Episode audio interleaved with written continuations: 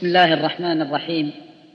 الحمد لله الذي خلق الذكر والأنثى من نطفة إذا تمنى. وأشهد أن لا إله إلا الله وحده لا شريك له له الجلال وله الأسماء الحسنى. وأشهد أن سيدنا ونبينا محمدا عبده ورسوله الذي اصطفى واجتبى. صلى الله عليه وعلى آله وأصحابه أولو النهى. وعلى جميع من سار على نهجهم واقتفى. أما بعد السلام عليكم ورحمة الله وبركاته. وأسأل الله العظيم الكريم في بداية هذا المجلس المبارك أن يبارك لأهل هذا الزواج في زواجهم. اللهم بارك لكلا الزوجين في زواجهما. اللهم بارك لهما وعليهما واجمع بينهما في خير. اللهم ارزقهما الذرية الصالحة التي تقر بها الأعين. أيها الأحبة في الله هذا الموضوع الذي اختاره الشيخ عن الألفة الزوجية موضوع عظيم يحتاجه أهل الإسلام لكي يتفهم المسلم عظيم هذه الرسالة النبوية وهذه الشعيرة المحمدية التي بعثه الله عز وجل بها رحمة للعالمين ونعمة لخلقه إذا اتبعوه أجمعين.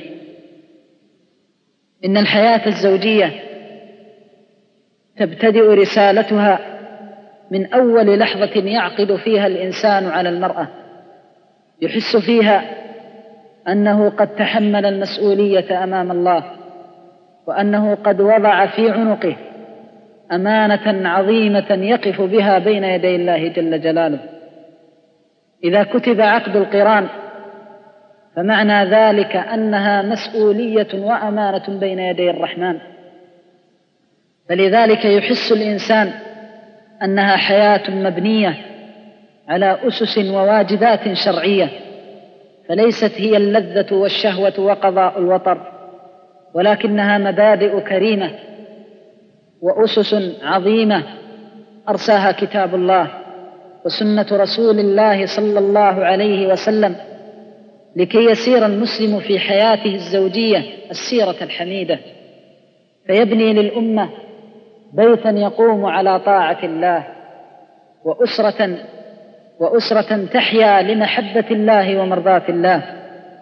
ففي هذه اللحظة الأولى يصبح الإنسان بسببها مسؤولا عن بيت كامل وعن امرأة إما أن تكون له طريقا إلى الرحمة أو طريقا إلى العذاب.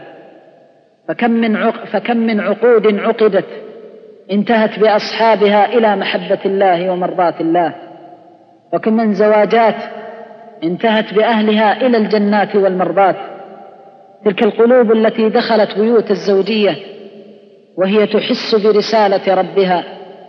وتعظم الأمانة الملقاة على عاتقها فقامت بواجباتها خير قيام فربت الأسر على محبة الله ومرضاة الله ودخلت الزوجة على زوجها لكي يقودها إلى رحمة الله ولكي تقوده إلى مرضاة الله وعفو الله.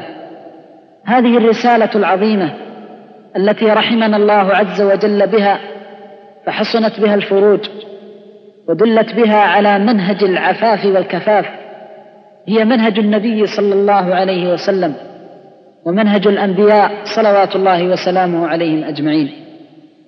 وفي كتاب الله عز وجل وفي سنة النبي صلى الله عليه وسلم مناهج ربانية وسير نبوية تقود المسلم إلى الحياة الزوجية السعيدة. فقد بين النبي صلى الله عليه وسلم أساسا عظيما ينبغي لكل زوج بعد أن يدخل بيت الزوجية ينبغي أن يحسه ويستشعره. فأول شعور تحس به الأمانة وثاني شعور يرثه الإنسان بعد الشعور بالأمانة أن يكون خير الأزواج لزوجه. ولذلك كم فاضل الله بين الأزواج؟ فكم من زوج خير بر كريم حليم رحيم أحبه الله بلطفه لأهله وعطفه وشفقته على زوجه وولده. وكم من قلوب رحيمة بنت بيوت الزوجية على المحبة والمودة والرحمة فرحمها الله بتلك الرحمة. ولذلك صدق النبي صلى الله عليه وسلم إذ يقول خيركم خيركم لأهله. كما ثبت عنه في الصحيح من حديث أنس بن مالك رضي الله عنه خيركم أي أعظمكم مقاما عند الله وأرفعكم قدرا عند الله من كان خيرا على أهله من كان رحمة بزوجته ولم يكن عذابا عليها من كان نعمة لها لا نقمة عليها من كان حكيما حليما رحيما يغزو قلب تلك المؤمنة بالمحبة فتهابه حبا لا كرها. وتهابه رغبة لا رهبة لا رهبة تنفير ولا أذية ولا إضرار. ولذلك كان النبي صلى الله عليه وسلم له تسع نسوة ما اشتكت واحدة منهن منه صلوات الله وسلامه عليه يوما من الأيام. تسع نسوة على محبة له وصفاء وعلى إجلال له وكرامة ووفاء. فالوصية الثانية بعد الشعور بالأمانة والمسؤولية بين يدي الله عن الزوجة وعن هذا البيت أن يكون الإنسان برا رحيما وقد وصانا النبي صلى الله عليه وسلم بهذه الوصية التي أخبر أنها الخير وأنها الرحمة والبر. فقال صلى الله عليه وسلم إن الرفق ما كان في شيء إلا زانه وما نزع من شيء إلا شانه. فإذا وقفت رحمك الله أي موقف مع زوجتك وأي موقف مع أولادك وأهلك فأنت بين طريقين إما طريق رحمة ورفق وإما طريق عنة وشدة وأذية وإضرار. فإذا وقفت أمام أي موقف فاعلم أنك مخير بين السبيلين وأن أمامك هذين الداعيين فاختر أحبهما إلى الله الذي أخبر النبي صلى الله عليه وسلم أنه زين ورحمة. إن الرفق ما كان في شيء إلا زانه ولا نزع من شيء إلا شانه.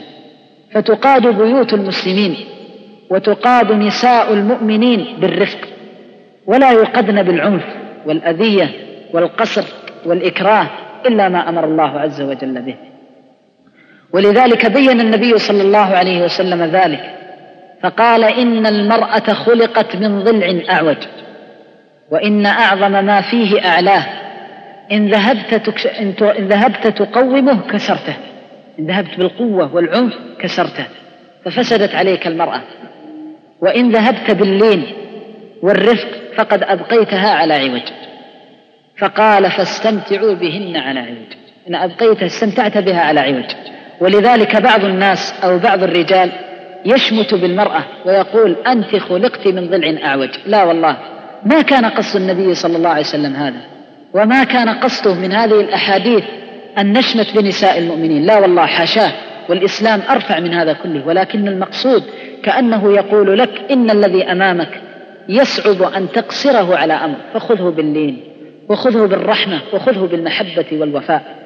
وهذا مجرد فإن الرجل إذا وفقه الله إلى الكلمة الحليمة الحنونة والمعاملة اللطيفة ملك قلب المرأة واستطاع أن يستمتع بها مع هذا العوج.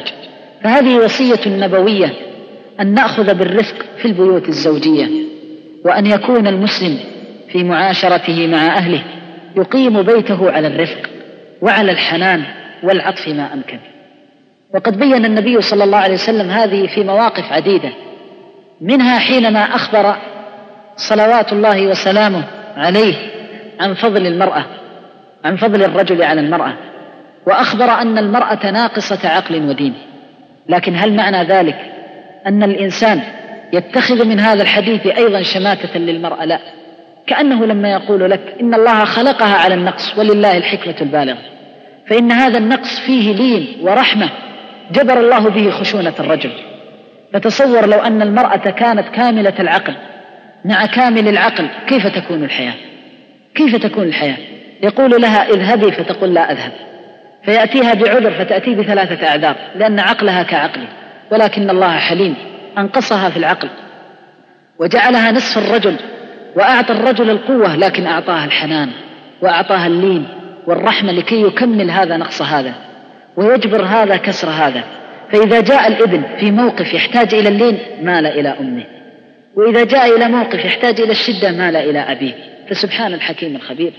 سبحان من هذا خلقه وهذا تدبيره وأمره. فليعلم أن بيوت الزوجية وأن نساء المؤمنين يقدن بالرحمة والعفاف والكرامة أبلغ مما يقدن بالشدة والعنف. القضية الثالثة ينبغي أن يعي الرجل وتعي المرأة ويعي كل منهم رسالته في البيت. فإن الله أعطى الرجل خصائص لم يعطها المرأة وأعطى المرأة خصائص لم يعطها الرجل. ولا يمكن للبيوت أن تقوم إلا بما قلناه أن يقوم الرجل برسالته ويهيئ لزوجته ما أمر الله عز وجل من تهيئته وتقوم المرأة برسالتها في البيت حتى تهيئ لذلك الرجل المؤمن الصالح بيته على خير ما تهيأ عليه بيوت المسلمين. فلا بد كما أن الرجل مطالب باللين المرأة كذلك مطالبة بأن تكون تحت الرجل. وهذه المطالبة من كونها أسفل من الرجل كرامة والله للمرأة.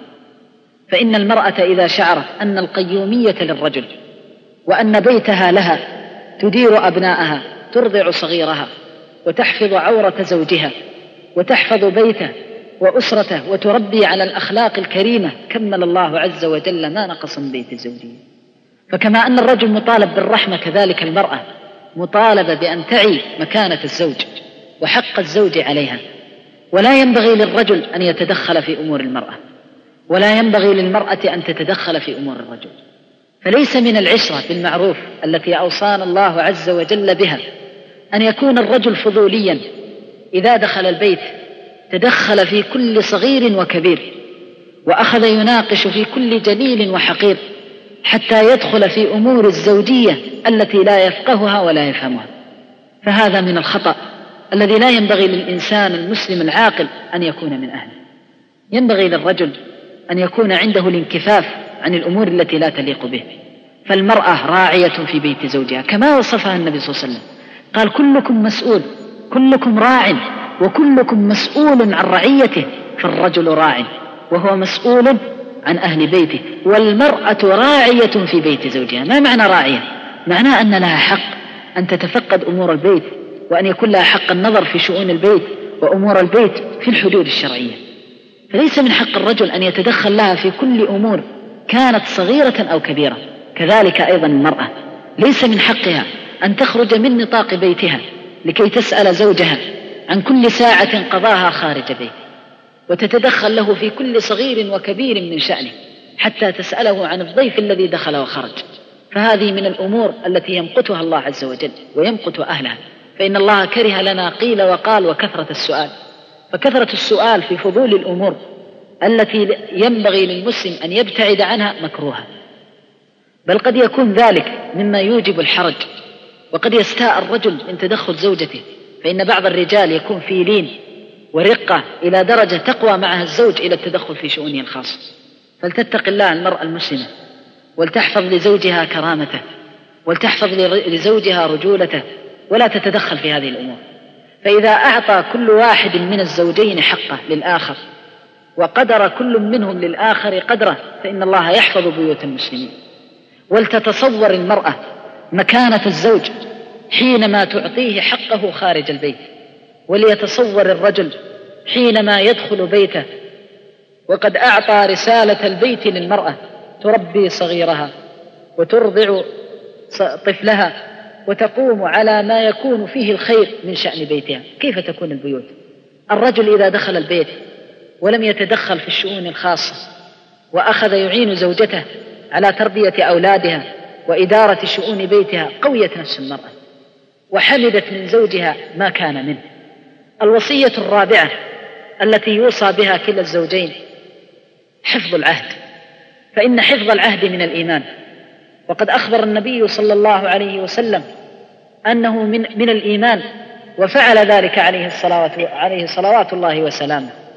فكان حتى بعد وفاة خديجة حفظ عهدها صلوات الله وسلامه عليه حينما دخلت عليه استأذنت هالة أختها فقام يجر رداءه صلوات الله وسلامه عليه. وما ذكر خديجة إلا أثنى عليها.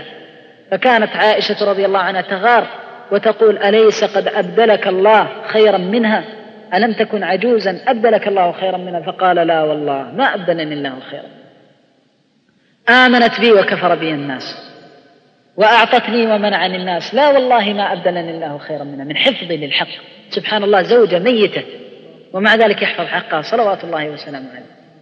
فهذا من شيمة أهل الإيمان أنهم يحفظون حقوق الزوجات. فحفظ الحق هو الذي يصلح الله به البيوت. فمثلا يدخل الرجل حفظ العهد يقع معك في كل صغير وكبير من أمور الزوجية حتى لما تدخل البيت وتراها قد هيأت لك طعامك فقلت رحمك الله جزاك الله كل خير بارك الله فيك لا شلت يمينا منك كلمة طيبة الله يقول وقولوا للناس حسنا. فإذا وجدت الطعام قد هيأت وتذكرت أنها من الصباح قد كدحت يا إخوان هذه أمور قد تكون يسيرة لكن ندل عليها لأن الله يأجر عليها. فتراها في تعب ونصب فتأتيها في الظهيرة والقائلة وأنت عليك الهموم والغموم ولكن تضع بين يديك الطعام لكي تذكر معروفها فتقول من شيمتك ووفائك لها جزاك الله كل خير. لا شلت يمينك حفظك الله نعم ما صنعت كلمة يسيرة. أوصانا الله بها يقول وقولوا للناس حسنا. الله أكبر للناس وكيف بالأهل والزوجات. قولوا للناس حسنا. فالله أمرنا أن نقول الكلام الطيب وأن نبوح بالكلام الطيب لكن تصور لو جئتها بعد التعب والنصب وقد صنعت طعامها وغسلت ثيابها فقلت لها ما الذي فعلتيه؟ هذا الطعام فيه كذا وكذا وأخذت تعيب طعامه كيف يكون حالها كيف يكون حال هذه المرأة الضعيفة التي سخرها الله لك وقد كان الإنسان عزبا يغسل ثوبه ويطبخ طعامه والله قيض له امرأة تؤمن بالله واليوم الآخر لكي تذوق له طعامه وتهيئ له طعامه. فإذا قابل هذا المعروف بكلمة نابية ولذلك ثبت من هدي النبي صلى الله عليه وسلم أنه ما عاب طعاما وضع بين يديه صلوات الله وسلم. ما عاب طعام أبدا صلوات الله وسلامه عليه. وهذا يدل على أن حياة الزوجية لابد أن تقوم على التذمم والصبر. إن وجدت شيئا طيبا أثنيت ومدحت وإن وجدت شيء غير طيب غضبت وسترت فالستر والغضب تغض عنها قد يغض الله عز وجل عنك يوم, يوم يقوم الأشهاد. وتغفر لها قد يغفر الله لك يوم, يوم يقوم الأشهاد. أنت قوي وهي ضعيفة وتستطيع أن تؤدبها وتستطيع أن تؤذيها وتقول يا رب إني أخاف منك وإني قد أعرضت عن خطائها لوجهك فكيف يكون لك عند الله عز وجل من أجل فهذه من الأمور المهمة أن يكون كلا الزوجين حافظا للعهد. كما نقول هذا للزوج نقوله للزوجة. فإن الزوج قد يأتي من تعب ونصب قد اشترى مثلا شيئا للبيت. هذه أمور تافهة كما نقول لكنها مهمة جدا. وكم من مشاكل زوجية مرت بسبب الكلمات التي خرجت من الألسن في مثل هذه المواقف الحساسة. يأتي الزوج من التعب والنصب لكي تقابله المرأة في ذلك التعب والنصب لكي تناقش عن أمر من الأمور. أو تريد أن تصل معه إلى حل قضية من القضايا تحتاج إلى راحة ودعة واستفراغ الذهن. هذه من الأخطاء التي يقع فيها كثير من النساء أصلحهن. أصلحهن الله. ينبغي أن تعلم المرأة أن الله يحاسبها عن زوجها. وأن الله سيوقفها بين يديه لكي يحاسب على كل ما في أذية. ولذلك من باتت وزوجها عليها غضبان باتت الملائكة تلعن من عظيم حق الزوج عليها. وكان بعض النساء الصالحات إذا أحست من غضب زوجها عليها بقت عند قدمه تسأله أن يعفو عنها. كل خوف أن يغضب الله عز وجل عنه أو يبيت الذي في السماء ساخطا عليه. فالمرأة المؤمنة تخاف الله والمرأة المؤمنة قلبها رقيق ومن شيمة أهل الإيمان أن قلوبهم رقيقة. وأن قلوبهم لا تتحمل ما فيه سخط الله عز وجل وغضبه. فهذه فهذا أمر مهم. ينبغي للمرأة المؤمنة أن تعطيه حقه وأن تقدر للزوج قدره. ومن الأخطاء الشائعة من النساء خاصة إذا عظم الأمر فكان الرجل كبير السن ذي شيبة مسلم تهزأ به أمام أطفاله أو تسخر به أمام ولدانه. وكم من امرأة فعلت ذلك في مشيبها فأحبط الله به عمل شبابها. كم من امرأة سودت صحائف أعمالها بعد أن بيضتها بالأعمال الصالحة. صبرت على زوجها حتى بلغ المشيب والكبر فأهانته وآذته فكا فختم لها بخاتمة السوء في حياتها الزوجية والعياذ بالله. وكم من امرأة كانت على أذية لزوجها وبعد عن تقديره وإجلاله في بادئ أمرها فلما شاب ورق عظمه وابيض شعره حفظت حقه ووداده فغفر الله لها سيئات العمر التي مرت. فينبغي للمرأة أن تخاف الله وأن تراقب الله خاصة في الكبر وخاصة كذلك الزوج ينبغي عليه أن يرعى حق الله في الزوجة وأن يحفظ حقها وعهدها خاصة في الكبر. فمن العيب القبيح أن تجد الرجل ذي شيبة يجلس مع أطفاله مع امرأته على كبر ومشيب يستهزئ بامرأته أو يسخر منها أو يسميها باسم فيه سخرية. فالله الله فإن هذا مما لا يرضي الله عز وجل. فإن السخرية والاستهزاء ليست من شيمة أهل الإيمان. فإن الله لا يحب سفاسف الأمور ولكن يحب معاليها. إذا شاب شعرك ورق عظمك وشاب شعرها ورق عظمها فليس هناك إلا ختم الأعمال بالصالحات وذكر الله عز وجل بالمرضات التي توجب المحبة من الله ورفعة الدرجات. ليس بعد المشيب والكبر إلا الأخلاق الفاضلة والسكينة والوقار التي يتربى عليها أبناء المسلمين. هذه أمور ينبغي أن نتواصى بها وأن يشد بعضنا على أزر بعض وأن نتقي الله عز وجل في هذه البيوت وأن تختم حياة الزوجية بمرضاة الله جل جلاله. الوصية الخامسة التي يوصى بها في رعاية الحياة الزوجية أن يؤدي كلا الزوجين للآخر حقه وذلك في الحقوق التي أمر الله بها. حق المبيت يؤديه على الوجه الذي يرضي الله عز وجل فلا يعرض أهله للحرام. وحق النفقة يؤديه على الوجه الذي يرضي الله عز وجل عنه. بعض النساء صالحات قانتات عابدات لكنها تهمل التجمل لزوجها. وهذه قضية ينبغي طرحها. فإن الله أعطى حقا للزوج كما أعطاه للمرأة ولهن مثل الذي عليهن بالمعروف. صلاح المرأة لنفسها. أما الزوج فله حق. ينبغي أن تظهر له ما يرغبه فيها ويكسر عينه عن غيرها. أما أن تبقى صالحة عابدة مهملة لحق زوجها فهذا مما لم يأذن الله عز وجل. فإن حق الزوج فرض والنوافل والعبادات طاعة وقربة ليست بواجبة ولا يتقرب إلى الله بشيء أحب إليه مما افترض. فأول ما تفكر فيه المرأة الصالحة التي تريد الصلاح بعينه أن تكسر عين زوجها. وذلك بما أمر الله به من التهيؤ وإعطاء حقها. كذلك الزوج. بعض الرجال على صلاح وعلى ديانة واستقامة ولكن صلاحه لنفسه. يهمل حق التجمل للمرأة. يقول ابن عباس حبر الأمة وترجمان القرآن يا إخوان دين الإسلام عظيم. حتى في أمور الزوجية ليس من الحياء أن الإنسان يكف عنها لأنها حقوق وشرف لك أن تبين هذه الحقوق وأن تدل عليها لأن بيوت المسلمين تهدم لما تضيع هذه الحقوق. ابن عباس حبر الأمة وترجمان القرآن يقول إني أحب أن أتجمل. يقول ذات مرة وقد جلس معه أصحابه وجاء بالمرآة فجعل يكتحل ويسرح شعره ويقول إني أتجمل لها أحب أن أتجمل لأهلي كما أحب أن يتجملوا لي. وهو حبر الأمة وترجمان القرآن. هذه أمور ينبغي ولذلك لما كان النبي صلى الله عليه وسلم يدخل بيت الزوجية ماذا يفعل؟ تقول عائشة كان يبدأ بالسواك حتى لا يشم أهله منه الرائحة الخبيثة أو يشم منه ما يؤذي حتى في الرائحة والكلام صلوات الله وسلامه عليه. دين طهارة ودين سمو ودين عفة فلذلك هذه أمور ينبغي العناية بها. المرأة الصالحة صلاحها لنفسها لكن ينبغي أن تؤدي حق زوجها. وأن تسعى في كل شيء يغض نظره عن الحرام.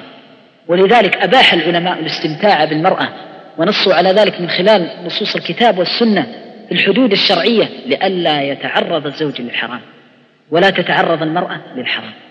هذه أمور ينبغي التنبه لها حق الزواج ينبغي إعطاؤه على الوجه الذي يرضي الله. فكثرة السهر والتفريط في الفراش هذه أمور ينبغي الحذر عنها الحذر منها والبعد عنها وتقوى الله عز وجل فيها. فكم من فراش فسد بضياع حقه. وكم من امرأة تعرضت للحرام بغفلة زوجها عنها.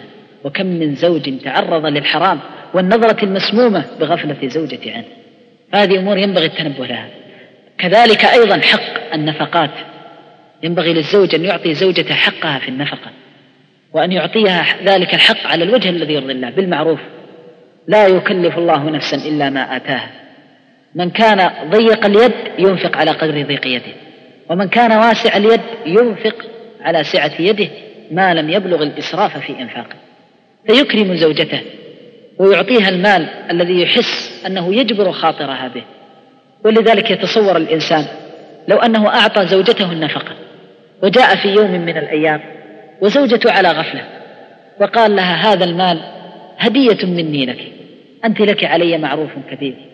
أنت لك علي فضل. المرأة لها فضل أي ما كان. لا بد الله عز وجل يقول بالطلاق. بعد الطلاق يقول ولا تنسوا الفضل بينكم. الله أكبر. بعد الطلاق يقول ولا تنسوا الفضل بينكم. وقد طلقها.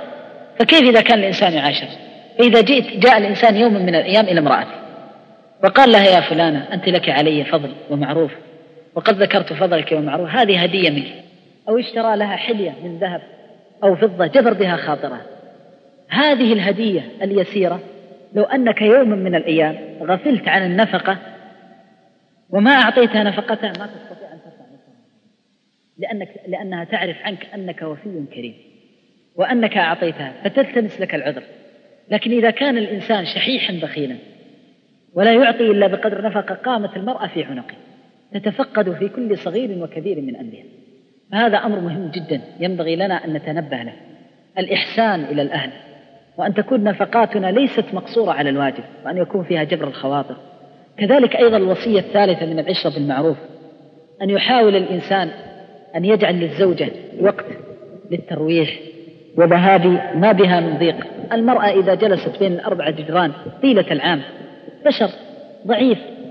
لا شك أنه في يوم من الأيام سيسأم لا شك أنه في يوم من الأيام سيسأم فإذا الله عز وجل أكرمك بامرأة صالحة قانتة عابدة بعيدة عن الأسواق بعيدة عن الخروج والتبرج. فليكن من وفائك وشيمتك وعهدك أن تأخذها اليوم واليوم اليوم في الأسبوع اليوم في الشهر. تروح عنها تزور قرابتها. بعض الأزواج ما يخرج زوجته إلا إذا طلبت. بعض الأزواج قد لا يخرجها حتى لو طلبت. ومن المؤسف والله أن زوجة تقول لزوجها أريد أن أزور عمتي. يقول لها إيش عمتك؟ لا أبدا أقعدي في بيتك. أريد أن أزور أمي. لا إيش أمك؟ إيش هذا؟ أنت رايحة لأمك كل شوية تذهبين لأمك؟ وقد تكون لها عن أمها الشهور. سبحان الله تسألك صلة رحم.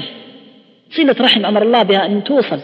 كنا ننتظر أو كانت تنتظر هذه المرأة الصالحة منك يوم من الأيام تجيها وتقول لها والله يا فلانة قال عهدا عن أمك وأمك لها حق عليك وعلينا. يلا أذهبي. يعني لو عرضت عليها هذا كيف يكون في قلبها؟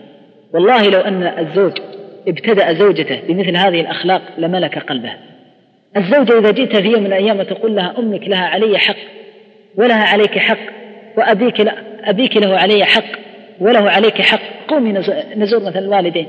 إيش يقع هذا في قلبه كيف يقع في قلبه ولو أن يوما من الأيام قالت لك يا فلان والدك له علي حق ووالدتك لها علي حق أريد أن أزورهم كيف يقع هذا في قلبك؟ يقع موقع كبير فمثل هذه الأخلاق ومثل هذه الأمور الترويح. بالأمور التي أمر الله بها من صلة الرحم. أيضا بركة لك لأن المرأة الصالحة التي تصل أمها وأباها وتصل قرابتها مباركة لأن صلة الرحم بركة. من أحب منكم أن ينسأ له في أثره وأن يبسط له في رزقه وأن يزاد له في عمره فليصل رحمه. فإذا الله وفقك بامرأة تبحث عن قرابتها تصلهم فكن أول من يعين وأول من من من يعينها على طاعة الله ومرضاة الله. هذه أيضا من الأمور التي ينبغي أن يتواصى بها صلة الرحم. أيضا تروح عنها بالمباحات وعليكم السلام. تروح بالمباحات. يعني الشخص لو أنه جعل يوم في الأسبوع والله أعرف أناس من أهل العلم والفضل علماء كانوا يأخذون أهلهم مرة في الشهر المرة والمرتين والثلاث في السنة يخرجون بقرابتهم.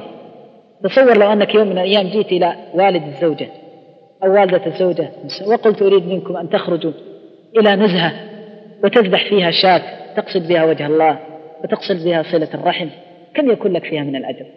تجمعهم على خير. والد الزوجة له حق كبير. من زوجك فقد اشتراك من بين الناس.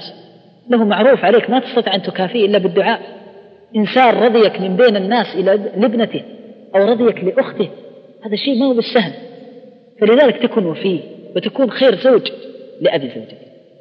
تفي له بمثل هذا تقول الله يا, يا أبو فلان حقك كبير أريدك اليوم تأتي تتغدى عندي. أو تدعوه وتدعي تدعو أخوات الزوجة وأرحامك من القرابات التي أوصاك الله بها من فوق سبع سماوات. واتقوا الله الذي تساءلون به والأرحام. فتدعوهم وتشتري رحمة الله بهذه الدعوة. هذه أيضا أمور مهمة تصلهم وتبرهم ولو مرة في العام. هل أحد يتصور زوج على ديانة واستقامة ما عمره يوما من الأيام دعا أهل زوجته إلى طعام في بيته. ينتظر أهل زوجته يأتون يزورونه وقد يحرجوه فيجلسون إلى ساعات متأخرة. والله إن بعض الزوجات تقول إن أبي وأمي يأتيان في إلى ساعة متأخرة في الليل ينصرفان من عندي بدون عشاء. يعني على الأقل يكون عند الإنسان حياء. النبي صلى الله عليه وسلم يقول من كان يؤمن بالله واليوم الآخر فليكرم ضيفه. على الأقل يا أخي أعطهم حق الضيافة. فكيف بحق الضيافة وحق الرحم؟ ولذلك يعد من, من, من نقص الإنسان ومن لؤمه أن تمضي عليه السنون وما دخل والد زوجته ولا والدة زوجته بيته. والله لؤم. حتى لو أبى تأتيه وتصر عليه. تقول له حقك كبير لأنه قد يكون كريم وعنده أنفة. فلما تظهر وتلح عليه تشعر بأنك تحبه. تشعر بأنك وفي له. النبي صلى الله عليه وسلم لما أراد علي أن يتزوج على فاطمة. قام عليه الصلاة والسلام خطيبا فذكر أبا العاص أبو أمامة رضي الله عنه وأرضاه فأثنى عليه خيرا. أبو العاص زوج زينب وزينب وفاطمة أخوات علي أخ... زوج لفاطمة وأبو العاص أبو أمامة زوج لزينب. أبو العاص رضي الله عنه هذا الصحابي الجليل سبب ثناء النبي صلى الله عليه وسلم عليه أنه لما أخذ أسيرا يوم بدر وأراد النبي صلى الله عليه وسلم أن يطلق من الأسر قال أطلقك من الأسر لكن تبعث لي زينب. فمضى إلى مكة ووفى للنبي صلى الله عليه وسلم فبعث له ابنته زينب. فصار النبي صلى الله عليه وسلم حافظ لهذا العهد. فأثنى عليه خيرا. النبي صلى الله عليه وسلم نبي الأمة. فلما جاء أثنى على من؟ على أبي أمامة. إذا كان النبي صلى الله عليه وسلم أسره الجميل فكيف لا يأسرك أنت؟ فلذلك ينبغي للإنسان أن يأخذ مثل هذه المواقف ما يعين على الخير. بيوت الزوجية لابد أن تقام على مثل هذه المعاملة. أن تكون خير زوج لابنة من زوجته وخاصة إذا كان الشخص ملتزم أو ينتسب إلى الهداية فإنه محل نظرة. محل نظرة محل نظرة إجلال. ولذلك تجد بعض الرجال يقول فلان يفعل بي كذا. وقد يكون الزوج الثاني غير ملتزم يفعل أشد منه. لكن يقول لكن هذا ملتزم هذا مهتدي كيف يفعل هذا؟ إذا كان الإنسان على استقامة ينبغي أن يكون خير الأزواج لوالد زوجته. هذه أمور مما يوصى بها. فإن العناية بالأرحام تحقيق لما أمر الله عز وجل به. فهذا من صلة الرحم ومن إدخال السرور على الأهل. وقد يدخل الإنسان السرور على زوجته فيكون قربة بينه وبين الله.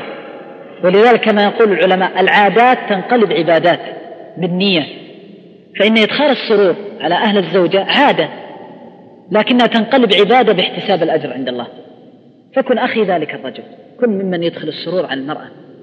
كما أنك تحب أن تدخل السرور على نفسك فأدخل السرور على نساء المؤمنين وكن وفيا كريما. كذلك أيضا من الأمور التي يوصى بها للألفة في الزواج الغض عن الإساءة.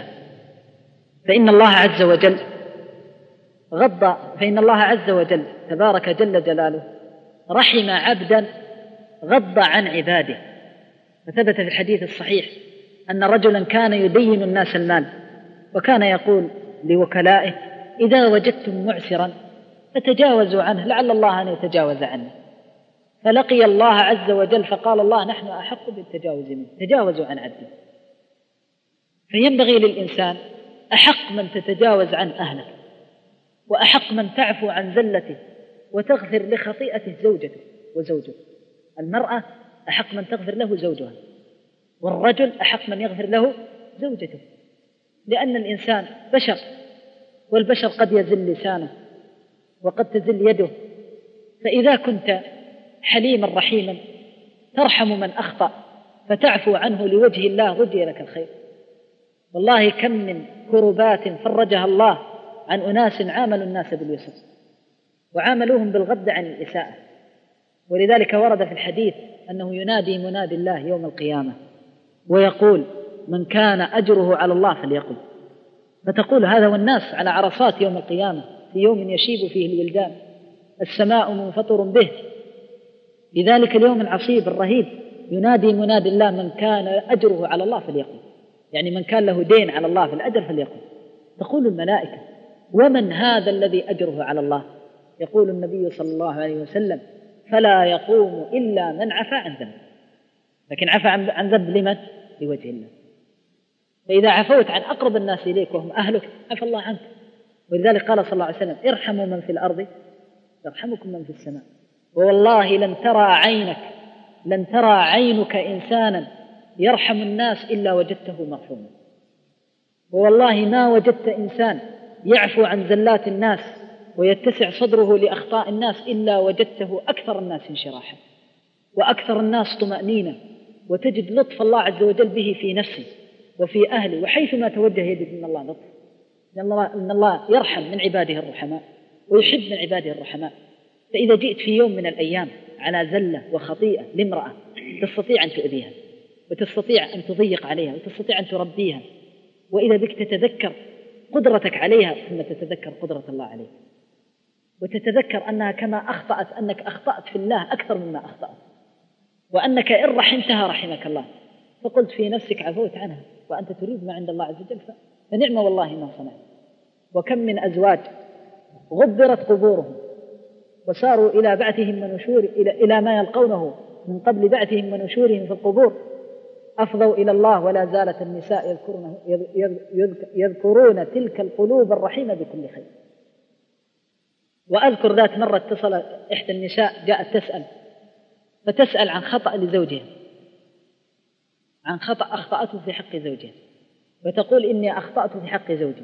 ولكن بعد تقول أشهد بالله أشهد بالله أنني ما رأيت أوسع صدر منه. الله يرحمه جلست تقول ما استسمحت إلا سامحه ولا رأى مني زلة. فقلت واغفر إلا غفر لي. سبحان الله جلست تبكي ما استطاعت أن تكمل السؤال لأن ذلك الزوج أسر قلبها بالمعروف. ووجدته زوجا رحيما حليما. فلما توفي ذكرت في الرحمة. ما استطاعت أن تكمل سؤاله مما وجدت من حنان ورحمة زوجها بها. فلعلك أن تكون مثله. بل لعلك أن تكون خيرا منه. إن الهداية والاستقامة تكسر القلوب لله.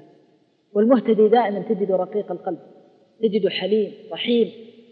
ولذلك وصف النبي صلى الله عليه وسلم قلوب أهل الجنة أن أن من أهل الجنة من يدخل الجنة قلوبهم كافئدة الطير من الرقة. نسأل الله أن يجعلنا وإياكم منهم. وما الذي تريد؟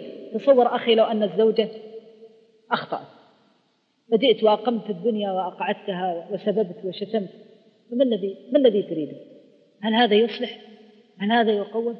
قد تزداد المرأة عنت وقد تزداد أيضا إصرارا على الخطأ. فيشاء الله في يوم من الأيام أن يتسلط عليه الشيطان بالغفلة فتقع نفس الخطأ فقد يحدث طلاق. لأنك تأتي في سورة الغضب وتقول ربيتها وضربتها وآذيتها وتفعل هذا معناه أنها تكرهها فيأتي الشيطان عليك فيستزلك بالكلمة التي تهدم البيت والعياذ بالله. كله لكن إذا أخذت الأمور بالسعة والحلم والرحمة ووسع قلبك أخطاء الناس وقلت كما أن لهم أخطاء لي أخطاء ولعل الله أن يغفر لي كما غفرت لعباده فإنه يرجى لك من الله خير. والله إنه لمن المحزن. أن تجد الواحد منا من أحلم ما يكون وأرحم ما يكون بالناس. ولكن إذا دخل بيته يحاسب عن كل صغير وكبير. والله إن هذا موجود. بعض الشباب وبعض الناس تجد من أوسع الناس صدر. يجلس على مكتبه على وظيفته وإذا به من أوسع الناس صدر. ولكن إذا دخل بيته يجلس يحاسب عن كل صغيرة وكبيرة فالله الله أن تضيق على أمة من إماء الله فيضيق الله عليك في الدنيا والآخرة. والله إني أعرف أناس يحاسبون الناس عن كل صغير وكبير الله يعاملهم بمثل ما يعاملون الناس. تأتيهم أمور سهلة ويعسرها الله عليهم. لأن هل جزاء الإحسان إلا الإحسان؟ جزاء وفاقا وما ظلمهم الله ولكن كانوا أنفسهم يظلمون. فلذلك هذا مما يوصى به غفران الزلة. ولذلك ذكروا عن أحد الخلفاء أن رجلا أخطأ في حقه. فجيء بهذا الرجل المخطئ فقال لجلسائه ما تقولون؟ قالوا اضرب عنقه. وإذا برجل حكيم جالس في آخر المجلس قال له ما تقول يا فلان؟ قال أما لو أما إنك لو قتلته فإن غيرك كثير قد قتل ولكن إن عفوت فغيرك قليل. فاعف رحمك الله. فعفى عنه وغفر. فلذلك العفو والمغفرة خير وبر. وبين النبي صلى الله عليه وسلم في حديث حكمة عظيمة. يقول صلى الله عليه وسلم ما زاد الله عبدا بعفو إلا عزة. ما زاد الله عبدا بعفو إلا عزة. هذا الحديث في الحقيقة نظرت فيه وإذا به لما تنظر إلى الواقع تجد من أبلغ ما يكون من الكلام. لماذا؟ لأنك إذا جيت تعفو يأتيك الشيطان ويقول لك إذا عفوت أهانتك المرأة وركبت على رأسك وفعلت بك وفعلت بك. فأصبح العفو على الناس سلطان الشيطان على القلوب يسول أنه ذلة. فكذب النبي صلى الله عليه وسلم هذا الظن. فقال ما زاد الله عبدا بعفو إلا عزا فلذلك لما يأتيك الشيطان ويقول لك إذا عفوت ركبت عليك المرأة كما تقول العامة تقول لا أنت تقول هذا ولكن الله يقول إيش؟ على لسان رسوله. يخبرنا على لسان الرسول صلى الله عليه وسلم أنني أزداد عز. ولذلك انظر لما تعفو عن خطيئة المرأة تكسر عينها أمامك. وتحس أنك ملكت قلبها بالمعروف.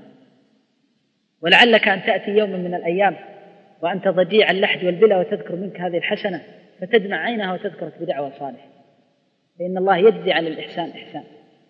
هذه من الأمور التي ينبغي أن يتواصى بها كلا الزوجين. كما أن الزوج ينبغي أن يعفو كذلك الزوجة ما تجلس الزوجة تتابع زوجها في كل خطأ. وبعض الزوجات يخطئن التصرف في بعض الأمور. فتجدها بمجرد ما تحصل الغلطة تشيعها في كل مكان وتذهب إلى أبيها وأمها وأخيها وأختها بل قد تشيعها عند القرابة عند الجيران وعند الأجانب والأغراب عنها. وهذا من الأخطاء الشائعة الدائعة التي ينبغي أن نتقيها وأن يتقيها إماء الله وأن يبتعدن عنها. فينبغي للمرأة أن يتسع صدرها وأن تحس أن عورة زوجها عورة لها وأن تغفر هذه الزلة وأن تعفو عن هذه الخطيئة. ولا تكون حريصة على محاسبة زوجها في كل صغير وكبير.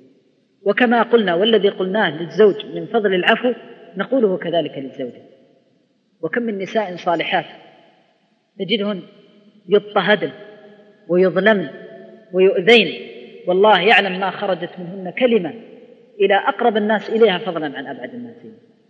وأعرف بعض النساء يتصل علي في بعض المشكلات تقول والله يا, يا, يا شيخ ما أحد علم بهذا إلا أنت. من صبرها وتحملها وتمر عليها السنوات وهي صابرة متحملة لوجه الله جل جلاله. فبيض الله وجههن وأسأل الله أن يكثر من المجتمع من هذه الأمثال. المرأة إذا زينها الله بالصبر وسعة الصدر لاحتمال أذية زوجها وتقصير زوجها فإن الله يعوضها خيرا. وكم رفع الله من درجات وكفر من خطيئات لنساء صبرن على البلاء ولا تزال المرأة تؤذى تؤذى حتى يرفع الله درجتها بهذه الأذية. وتبتلى حتى يرفع الله درجتها في هذا البلاء. ولعل الله في يوم من الأيام أن يعوض صبرها خيرا. ولذلك قل أن تجد امرأة تصبر على أذية زوجها إلا جعل الله العاقبة لها خير. والغالب في الزوج أن ينقلب عليها في آخر حياته. وهذا له نظائر ووجدت له حوادث. فلذلك توصل المرأة المؤمنة بالصبر والتحمل. إن الله هو الذي يعلم بلاءها. وهو الذي يعلم شكواها. ولذلك لا لا يفرج همها أحد سواه جل جلاله مقلب القلوب. فلعل زوجها سنين يكون قاسي القلب عليها وفي طرفة عين يقلب الله عز وجل حنانا وشفقة عليها فلا تشتكي إلا إلى الله ولا تعول في تفريج كربها وهمها وغمها إلا الله. وأيما امرأة آذاها زوجها وأهانها واضطهدها فلتعلم أن لها نصير من الله. وينبغي في هذا الباب أن نوصي قرابة الزوجة بتصبير الزوجات. فمثلا لو جاءتك الأخت تشتكي يوم من الأيام أو جاءتك البنت تشتكي من زوجها يوم من الأيام ينبغي أن يكون الإنسان حكيما حليما رحيما يوسع صدر الزوجة ويقول لها إنه زوجك اتق الله يا فلانة. والله الغالب الأخت والبنت إذا جاءت تشتكي ووجدت من أبيها وأخيها الكلمة الطيبة التي تثبتها غالبا أنها ترضى. ولعل الله أن يجمع الشملين بك. لكن بمجرد ما تأتي تشتكي تقول أنا أفعل به فعل الله به وفعل. وتأتي تغتاب ولعل الزوج أن يكون مظلوما بهذا الكلام. فينبغي أن يصبر الإنسان وأن يتحمل. أذكر رجلا من أهل الفضل يحكي لي قصة غريبة لأبي زوجتي. يقول إنه ذات يوم كان رجلا كريما رحمة الله عليه كان من حفاظ القرآن ومن أعيان يعني من أهل الفضل والأعيان في بلده. يقص هذه القصة الغريبة يقول كان هذا الرجل أعرفه بالكرم. وقل أن يجلس على غدائه إلا والفقراء عليه. وقل أن يأتي رمضان من ساعة الإفطار إلا وجدته في الحرم يبحث عن الضعفاء والفقراء حتى يأخذهم إلى بيته رحمة الله عليه. وأسكنه فسيح الجنات. فكان رحيما بالضعف. فشاء يوم من الأيام دخل على زوجته من أجل الطعام فوجد الطعام قليل. فغضب عليها وضربها حتى كسر يدها. من شدة الغضب كان شديد الغضب. وكما يقولون بالعامية حار فمن شدة الحرارة والغضب كسر يده. فمضت هذه المرأة إلى أبي أبيها. خرجت في الظهيرة. تشتكي إلى أبيها. هذا الكلام قديم له أكثر من ثلاثين سنة أو أربعين سنة. فلما جاءت إلى أبيها ما هو موجود؟ جاءت وجلست عند أمها. وجلست تشتكي. فلما دخل أبوها البيت قال هذه من؟ قالوا فلانة. جاءت تشتكي. فأخذ عصاه وضربها ما سمع منها شكوى يقول فقال لها قومي لا بيت لك إلا بيت الزوج. تقول فقمت في الظهيرة. تمسك ولدها باليد الثانية واليد الأولى مكسورة من زوجها. كل ما تعبت دفعها من ورائه. يقول فما شعرت هذا الزوج إلا والباب يقرع بشدة. قرعه بالعصا. كان يمشي على عصا يتوكل. فلما قرعه بشدة يقول دخلني الرعب. أن عمي فلان قد جاء. يقول وتوقعت أنه سيضربني. يقول فلما فتحت الباب وإذا بالمرأة ومعها طفلها كبر أبنائه قد دفعت داخل البيت. فقال لي كلمة. قال خذ زوجتك. يقول ما استطعت أن أرفع بصري في من الخجل وعدت أنا وزوجتي على خير ما يرام. ما عادت له بعده. رجال يربون. ولا شك إنه في عنف وأسلوب في عنف. لكن عندهم حكمة وينظرون نظرة بعيدة. لأن البنت إذا جاءت إلى بيتك وجلست ووجدت الطعام يذكرون عن رجل أنه جاءته امرأة وكان من الصالحين ومن العباد والأخيار. جاءته امرأته بنته تشتكي من زوجها فباتت عنده الليلة الأولى. فلما أصبحت لما اشتكت زوجها وذكرت عيوبه سكت ما أجابها بشيء. فبات معها الليلة الأولى. بات في البيت فلما أصبح جلس يبكي أمامها كالطفل. فقالت له ما بك يا أبتي؟ قال لها وكانوا يعني في ضاحية في بادية ليسوا في المدينة. قال لها والله يا بنية إبريق الماء انكسر بالأمس. إبريق الماء الذي أتوضأ به انكسر بالأمس. فقالت طيب يا أبي تأتي بإبريق آخر. قال إبريقي يرى عورتي وله حق علي. واضح؟ يعني سبحان الله حفظ الحق لجماد كأنه يقول لها أين أنت؟ زوج ورجل وحي. ما تحفظين حق وأنا حفظت حق جماد. فانكسرت عينها فأخذت عباءتها ورجعت إلى بيت زوجها. هذه أمور تربية يقولون عن رجل ثالث جاءته بنت تشتكي من زوجها. فقال لها لا أبدا أنت في كرامة وعزة. فقال لزوجته إياك أن تغسل الثياب وإياك أن تطبخ الطعام. في اليوم الأول قال لها يا فلانة نريد أن, نأكل من يدك. فأمرها أن تطبخ. واليوم وقال لها والله الثياب نريد أن تغسل بيدك الطيبة. فغسلت. اليوم الثاني نفس الشيء. الثالث اليوم الرابع فرت إلى بيت زوجها. هذه أمور يعني يربي بها الأولون بناتهم. لو كان الرجل جاء بمجرد ما جاءت بنت تصيح ذهب إلى زوجها وجلس يسبه ويشتمه ويقال الكلام الذي لا ينبغي أن يقال وتفضح العورات ونشتكيك ونفعل بك وأنت ما فيك خير. هذا كلام أهل السفلة وكلام الذي لا خلاق لهم أما أهل العقل والحكمة يعالجون الأمور بالتي هي أحسن ويجمعون ولا يفرقون ويؤلفون ولا يباعدون نسأل الله العظيم رب العرش الكريم أن يجعلنا وإياكم هداة مهتدين غير ضالين ولا مضلين. وأسأله تعالى أن يمن علينا وعليكم بالبيوت التي ترضينا عنه ويهبنا وإياكم قولا سديدا وعملا صالحا رشيدا. وأختم هذه الكلمة بما بدأنا به. اللهم بارك لأهل هذا الجمع في جمعهم. اللهم بارك لكلا الزوجين في زواجهما. اللهم بارك لهما وعليهما. واجمع بينهما في خير. وارزقنا الذرية الصالحة التي تقر بها الآن سبحان ربك رب العزة عما يصفون. وسلام على المرسلين. والحمد لله رب العالمين.